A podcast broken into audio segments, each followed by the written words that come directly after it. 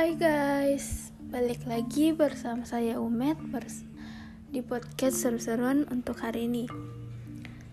Di podcast kali ini aku mau nge-review atau ngebahas sebuah film yang lagi-lagi dikeluarin oleh Marvel dalam waktu dekat ini. Film ini judulnya Eternals Eternal ini film yang sejatinya cukup menyenangkan untuk ditonton karena karakter yang unik dan visual yang ciamik. Terutama bagi penonton awam Marvel.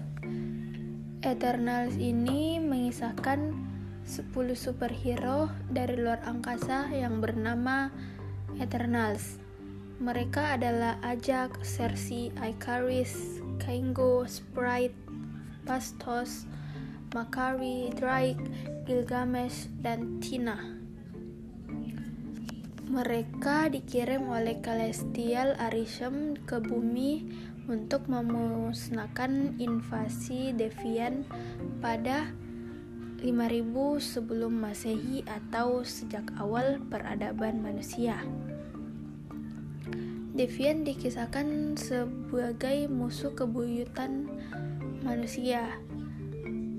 Mereka terakhir kali membunuh Devian pada tahun 1500-an dan setelah itu mereka hidup terpisah dan tersebar di seluruh penjuru bumi.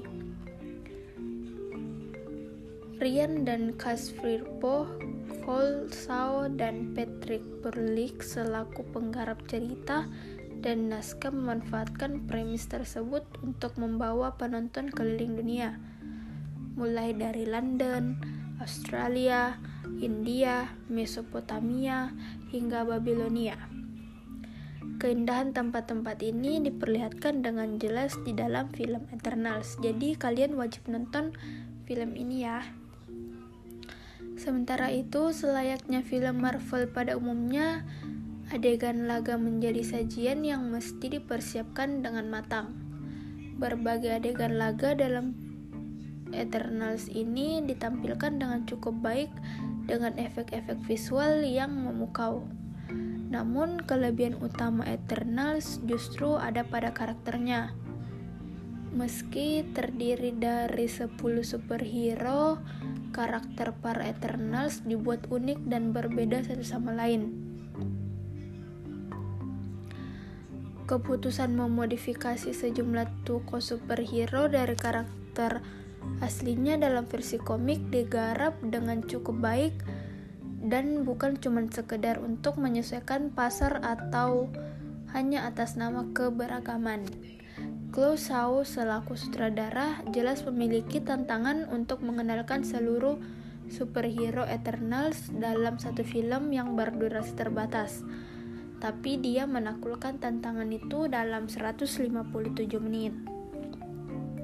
Film ini menggambarkan setiap Eternal dengan cukup jelas, mulai dari latar belakang, kekuatan, hingga kehidupan mereka setelah berbaur dengan manusia. Komposisi antar karakter juga dibuat seimbang. Setiap Eternals ditampilkan memiliki kelebihan dan kekurangan sendiri, jadi tidak ada yang lebih menonjol dibanding yang lain.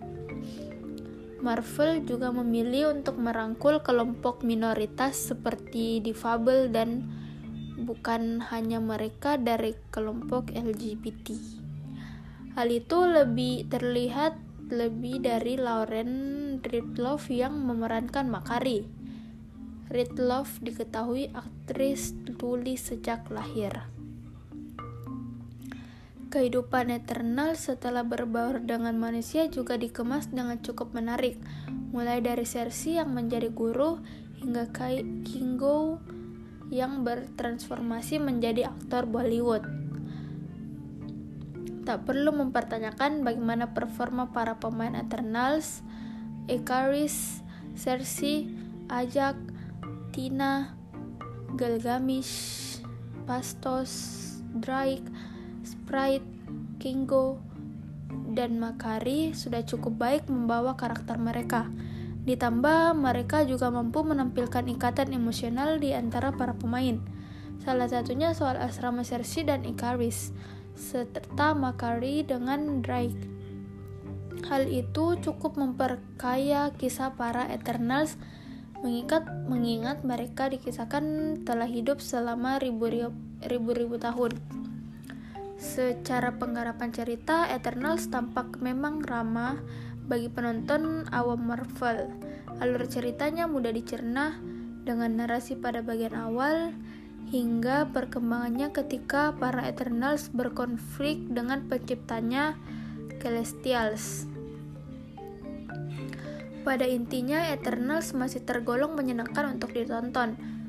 Jadi kalian harus nonton di film ini, eh film ini secepatnya. Meskipun film ini masih dibayang-bayangi kritik dari para kritikus dan pencinta film Marvel. Mungkin begitu dulu aja untuk hari ini dari aku. Semoga kalian suka dengan podcast aku kali ini. Semoga kalian gak bosen dengan suara aku. Dan semoga kalian bisa enjoy untuk dengar podcast aku. Don't forget to like podcast aku dan jangan lupa share ke teman-teman kalian and have a good day everyone